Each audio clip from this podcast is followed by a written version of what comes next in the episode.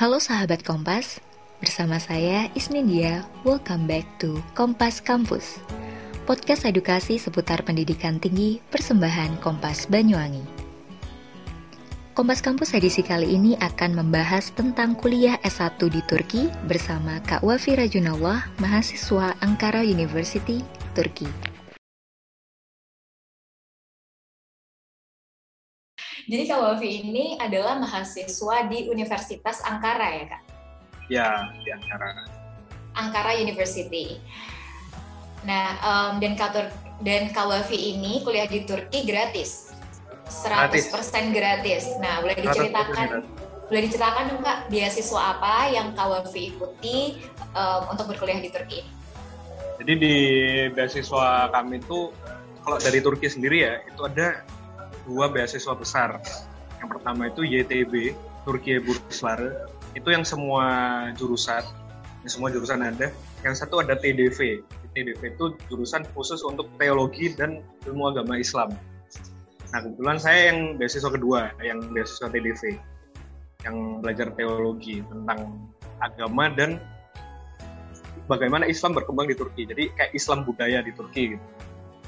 Kita belajar ilmu sejarah Islam di sini, ilmu budaya Islam di sini. Jadi semua masuk di kampusku. Kampusku agak Islam, tapi enggak. Oke. Okay. Di beasiswa TDV. Oke. Okay. Um, apa yang membuat Kawafi nih akhirnya yang memotivasi Kawafi akhirnya memilih beasiswa itu TDV daripada YDV tadi ya ada dua beasiswa. Hmm, ya gimana ya uh, Dea? Uh, kayaknya saya mencoba aku mencoba untuk mengetuk semua pintu. Oh. jadi memang karena motivasiku uh, aku sendiri terpacu sama ayahku. Ayahku dulu lulusan luar lulusan Saudi. Hmm. maka kayak aku harus berpikiran bahwa aku juga harus keluar nih. Nah waktu itu alhamdulillahnya dapetnya Turki. Jadi itu kayak memang karena background orang tua sih. Jadi harus terpacu. Motivasi yang lain mungkin karena pengalaman ya dia tahu sendiri kayaknya uh, kita kan sama pernah di satu kampus yang sama kan. Iya betul. Yang ospek tiba-tiba ada pemberitahuan diterima terus akhirnya ya kayak gitu. Iya jadi ya, saya lebih dan ke keluarga. Kawafi. iya jadi saya dan Kak Wafi ini pernah berada dalam satu kampus yang sama sebelum Kak Wafi akhirnya hengkang ya. Ke, yeah. Turki Oke, okay. um, terus kalau di selain dua beasiswa besar tadi, apakah ada beasiswa lain ya, Selain YDV, TDV tadi? Mungkin ada, tapi saya kurang tahu. Jadi banyak beasiswa-beasiswa yang diberikan oleh perusahaan swasta. Oh. Tapi itu sifatnya terikat. Nanti setelah lulus, kamu bakal bakal ada kontrak itu sama mereka. Mungkin saya ada, tapi saya kurang tahu ada lagi tuh mungkin yang baru ada ISDB jadi Develop Islamic Development Bank kalau nggak salah. Itu beasiswanya lebih bergengsi karena secara fasilitas dan semuanya lebih memadai yang ISDB terus terus kalau misalkan orang ke sini ada ya. Tahun lalu uh, mahasiswa Indonesia yang masuk ke Ankara University itu rata-rata non beasiswa which is mandiri. Oh Hmm. Totalnya kemarin di kampusku aja itu mungkin lebih dari 60 orang. 60 orang mandiri.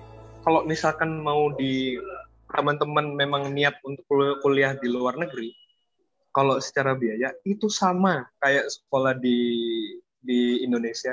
Kita satu tahun untuk satu tahun ya biasa satu tahun itu ada paling sedikit kalau di antara itu sekitar 8 ribu, which is itu sekitar 8 juta kalau dihitung per semester berarti satu semester cuma bayar UKT 4 juta tapi udah dapat Ankara Unif aslinya sama aja berarti sama aja ya berarti uh, uh. oh gitu hmm. uh, berarti ini kalau misal ada yang ingin mendaftar di Ankara University dari hmm. jalurnya itu kan ada jalur yang beasiswa, ada jalur yang mandiri gitu ya. Nah, itu alurnya berbeda alurnya hampir sama, tapi kalau yang beasiswa itu kan kita semuanya untuk pendaftaran ke kampusnya kita udah diurusin sama pihak, pihak beasiswanya. Nah, kalau yang mandiri itu langsung ke sistem di kampus. Oh, jadi okay. jadi semuanya uh, siap-siap aja di kampusnya. Siapa tahu ada info lagi apa admission atau yang lain nanti bisa biar biar langsung kepoin dari kampusnya mungkin kalau di rata-rata kampus di Turki mulai bukanya Juli akhir sampai Agustus. Dan menariknya lagi yang 60 orang adik-adik kelasku yang masuk tahun kemarin itu dia nggak pakai tes sama sekali, cuman pakai nilai diploma, nilai ijazah rapor SMA. Wah. Mm-hmm. Wah, berarti kesempatannya sangat besar sekali sebenarnya ya? Sangat besar sekali. Kalau di Indonesia Karena, harus melewati UTBK gitu, kalau di sana bahkan bisa langsung. Hmm, bisa langsung. Oke, okay, um, ini Kak Wafi, alur bagaimana proses pendaftaran alur beasiswa yang Kak Wafi ikuti sendiri? Lebih detailnya tuh gimana? Jadi pertama waktu tahun saya itu satu masih satu sistem sama beasiswa YTB. Sekarang yang TDV sama YTB itu kan udah dipisah secara timeline sama sih kayak beasiswa pada umumnya. Pertama kita harus ngumpulin berkas. Di berkas itu ada surat rekomendasi, ada letter of intent, ada uh, eh, CV kita juga kirim CV ya seperti beasiswa pada umumnya. Nah terus ketika beasiswa uh, apa pihak tahapan berkas itu udah lolos, kita nanti akan dipanggil ke Jakarta untuk pihak uh, untuk tahap selanjutnya itu tahap interview oleh pihak uh, beasiswa yang bersangkutan. Nah di tes wawancara itu itu udah peluangnya itu udah kelihatan aslinya kalau kamu punya nilai jual. Kalau kalian punya nilai jual yang membuat mereka tertarik gitu kayak catch eye the interviewer itu pasti kurang lebih bakal lolos. Jadi waktu aku cerita sedikit boleh nggak? Boleh, boleh banget. Nah, waktu wawancara, saya mel, aku malah ngomongin tentang sepak bola Turki. Sepak bola Turki. Jadi, aku kan Evertonian. Hmm. Uh, Kak Dia aku aku tahu Kak Dia Manjunian gitu. di, di, di, di Everton itu ada pemain Turki namanya Cengkosun. Jadi ada kurang lebih tiga menit kita interview kita masih ngomongin Cheng Tosun terus. Oh, Cheng Tosun itu dulu dia dari Besiktas, Besiktas itu di Istanbul, terus akhirnya kita ngobrol ke mana-mana. Oh, kamu suka bola juga ya? Gitu. Jadi ada poin unik gitu yang bisa ditangkap oleh interviewernya tentang kita applicant. Oh gitu. Um, dan menurut Kawafi sendiri nih selama melalui tahapan proses itu tadi pendaftarannya, tahapan mana yang paling menantang?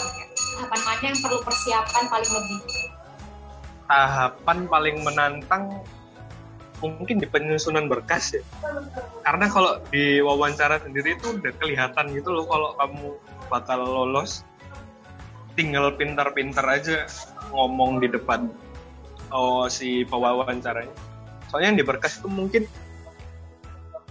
kalian bakal ngelawan orang satu Indonesia yang mau ambil beasiswa itu jadi kalian harus nulis sesuatu yang sekiranya menarik hatinya mereka.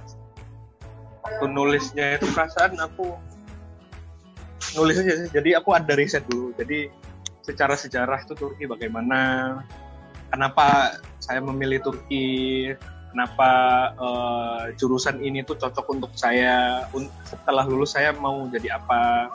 Jadi saya tuliskan semua di di apa di letter of intentnya di CV-nya juga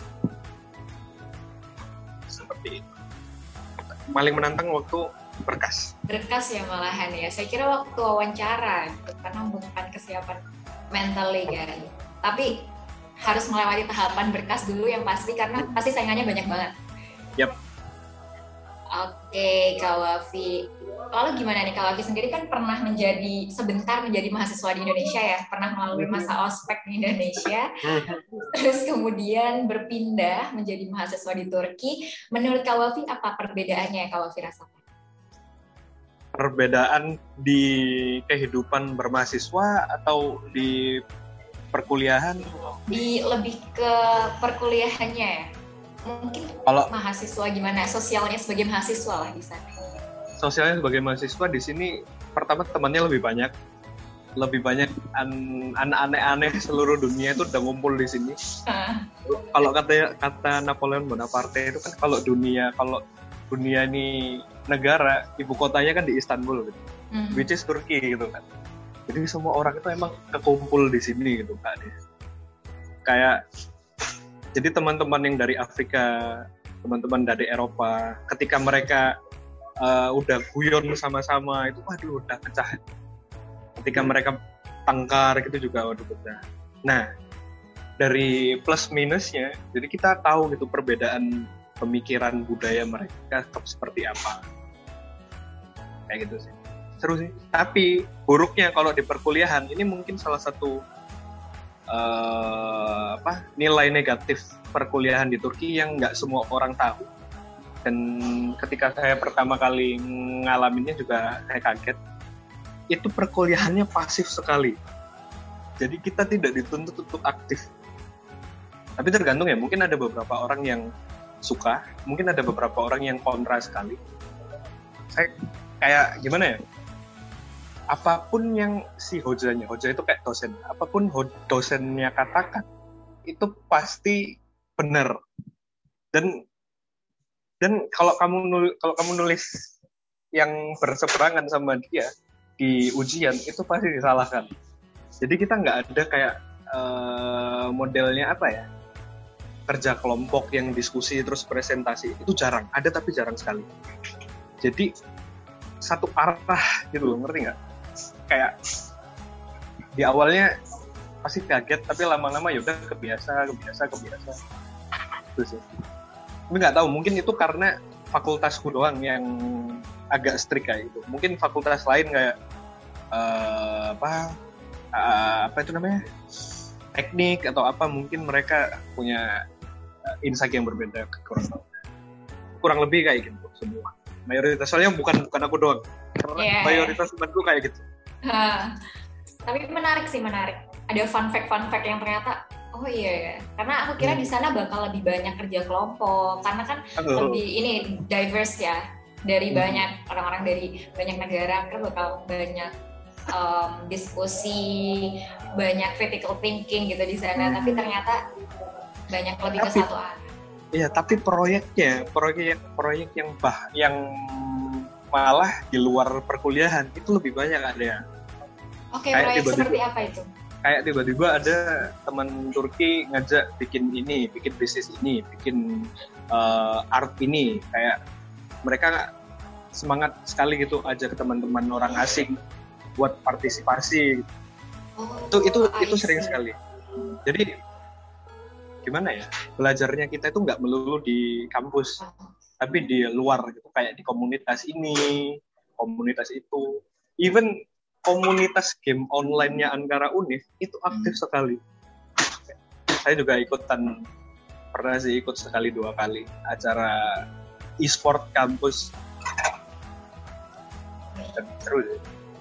Seru ya, bisa ketemu banyak orang, dapat banyak ide gitu. Jadi kayak ngembanginnya tuh lebih mudah gitu kan, ketemu banyak orang di sana mungkin itu kelebihan kuliah di luar negeri ya Kak Wafi yep. mungkin mostly yep. mostly seperti itu karena akan bertemu banyak orang-orang baru dengan ide-ide baru gitu yep. tapi Benar. untuk Kak Wafi sendiri nih selama berkuliah di sana itu menggunakan bahasa apa Kak bahasa utama yang digunakan bahasa Turki bahasa Turki lalu gimana belajarnya di sana apakah ada waktu belajar khusus sebelum berkuliah atau memang langsung di perkuliahan itu ada mata kuliah atau bagaimana jadi ketika kita pertama datang ke sini, ketika saya uh, keterima, dinyatakan keteri, uh, diterima beasiswa ya, saya meluangkan waktu satu tahun full hanya untuk belajar bahasa Turki.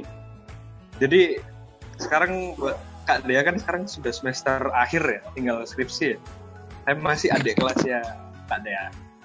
Jadi telat satu tahun. Apakah di sana sama 8 semester seperti di Indonesia? 8 semester sama sama. Berarti sekarang kalau Wafi di semester 6 ya? Yep.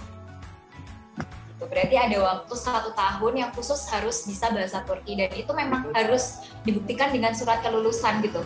Yep. Ada kalau, kita ada ujiannya itu 6, 6 kali satu tahun. 6 kali dalam satu tahun. Dan kalau misal tidak lulus keenamnya itu, berarti apakah ada konsekuensi tertentu dari beasiswanya? Uh, harusnya sih ada ya, tapi sampai sekarang mungkin masih belum ada kasus seperti itu. Oh, alhamdulillah. Gak ada ya. yang alhamdulillah, alhamdulillah. berarti masih memang bahasa Turki ini masih mudah untuk dipelajari dalam waktu mudah. satu tahun itu. Mudah. Oke. Okay. Tapi, okay. okay. gimana gimana? tapi di perkuliahan nanti kita bakal kaget kan nggak bisa gitu mereka uh, masuk kuliah yang seumuran kita waktu semester satu itu mungkin let's say mereka 18-19 tahun. Hmm. tapi kita dipaksa untuk bicara bahasa mereka satu tahun hanya dalam satu tahun. Jadi pertama semester 1, 2, 3 itu kita masuk itu masih kowa-kowa gitu loh. Ngerti nggak sih Iya. Uh, apalagi kalau si hojanya si dosennya ini ngomongnya pakai bahasa Turki yang bikin kita ngantuk. Gak jelas bahasa Indonesia aja kalau ngajarnya monoton kita ngantuk ya. Apalagi exactly. pakai bahasa asing. Exactly. Yes. iya um, tapi apakah semua mata kuliah itu menggunakan bahasa Turki? Atau ada yang bilingual dengan bahasa Inggris misalnya? Ada ada. Tentunya ada. Di jurusan saya ada dua jurusan yang pakai bahasa Arab. Oh, tafsir sama hadis. Iya oh. bahasa Arab malah terus ada juga bahasa Inggris ada uh, ada pelajaran bahasa Inggris juga. Kita kita masih ada bahasa Inggris terus ada penulisan ilmiah kalau nggak salah. Tapi saya masih belum ambil itu. Pakai bahasa Inggris juga. Wah ternyata terlihat ini ya terdengar sangat seru sekali sebenarnya kuliah di Turki ya. Berarti Kak Wafi tidak menyesal ya dulu meninggalkan Indonesia untuk berkuliah ke Turki? Semakin tidak menyesal, tidak menyesal. Karena dulu udah sampai ini selesai ospek ya, tinggal masuk kuliah aja terus hengkang dari sini. Tapi uh, terima kasih banyak nih Kak Wafi. Udah mendapatkan banyak informasi sekali dari beberapa beasiswa yang ada di Turki yang tadi disebutkan ada beasiswa YDV dan TDV dan juga banyak teman-teman Indonesia yang ternyata masuk ke sana malah lewat jalur mandiri tanpa beasiswa. Karena fun fact-nya adalah berkuliah di sana biayanya hampir sama dengan berkuliah di Indonesia. Jadi mungkin buat teman-teman nih buat sahabat Kompas semuanya bisa untuk cek cek terus di laman-laman universitas di Turki yang mungkin ada yang cocok jurusannya bisa dicek di situ biayanya berapa mungkin aja sama dengan biaya di Indonesia. Dan di sana juga masuknya hanya lewat lewat rapor bisa ya dengan lewat rap, nilai rapor aja ya kalau nah itu. Jadi kesempatannya sangat terbuka lebar ya untuk berkuliah di luar negeri. Tapi untuk ber, uh, berkuliah gratis di sana pun juga terdapat beasiswa. Tadi yang sudah disebutkan YDV, TDV dan juga ada uh, Islamic Development Bank ya yang udah masuk di sana ya kalau yang lebih bergengsi. Jadi teman-teman ayo semuanya segera untuk cek beasiswa apa yang tersedia di sana dan mungkin yang mau langsung kuliah di Turki dengan jalur mandiri bisa langsung cek juga di universitas yang diinginkan. Dan ini nih kalau untuk menutup podcast kita pada hari ini, mungkin apa nih pesan dari Kawafi untuk pendengar yang mungkin saja ingin berkuliah S1 di Turki? Apa ya, pesannya mungkin selagi kalian masih ada waktu dan ada kesempatan, ada uh, keinginan juga buat melihat dunia lebih luas ya kenapa enggak mungkin salah satu caranya dengan kuliah di sini atau kuliah di negara lain. Saya uh, sayang sekali gitu kalau misalkan ada keinginan ada kemampuan tapi kita nggak bisa menggunakan itu. Kita nggak mengambil keputusan itu. Yang mungkin di masa depan kita bakal akan sesali. Jadi ya, tetap semangat aja agak klise nggak sih kalau ada seminar apa gitu tetap semangat gitu. Padahal saya di sini kadang juga nggak semangat. Itu bukan bukan ukuran kuliah di luar negeri juga sama aja. Sama aja nggak sama sih tapi sama-sama nggak sama. Baik, itu pesan dari Kak Wafi ya teman-teman. Nggak apa-apa, emang harus tetap semangat kita. Meskipun semangatnya naik turun, tapi nggak apa-apa. Harus selalu bersemangat kembali setelah turun semangatnya gitu ya Kak Baik Kak Wafi, terima kasih banyak di sana. Selamat menunggu, selamat menunggu waktu berbuka puasa bersama sahabat-sahabatnya di sana ya. Semoga sehat selalu, Amin. bisa liburan ke Indonesia, bisa meet up dengan teman-teman dan keluarga di sini lagi. Yep. Terima kasih Kak Wafi. Uh, semoga uh, podcast kita pada hari ini bisa memberikan manfaat ke pendengar, ke sahabat Kompas semua. Selamat malam. Selamat malam. selamat malam dan selamat melanjutkan aktivitas Kak Waf. Terima kasih. Uh...